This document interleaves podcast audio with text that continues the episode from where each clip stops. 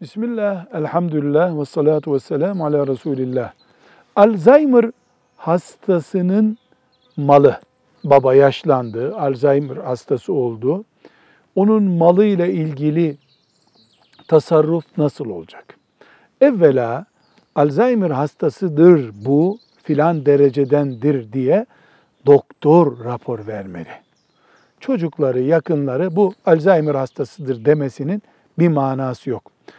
Alzheimer hastası olunca onun malı ile ilgili en doğru olan şey mahkemeye müracaat edip mahkemenin tayin edeceği vasi, veli neyse o kişinin yetkisinde bir harcama yapmaktır.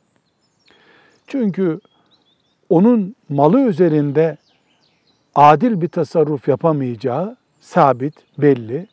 Evlatlarının onun direkt onun olan malını kullanırken birbirleriyle sorun yaşamayacakları da şüpheli, tartışmalı.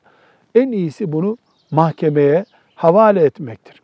Mahkeme imkanımızın bulunmadığı veya mahkemenin uzadığı gibi bir gerçekle bütün gerekçeden dolayı bütün bir aile kurulunun toplanıp aile büyükleri, diğer akraba heyetinin oluşturacağı bir ortamda da nasıl tasarruf yapılacağına dair bir karar alınabilir.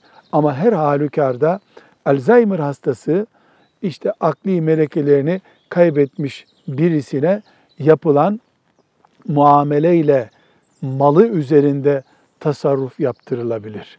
Velhamdülillahi Rabbil Alemin.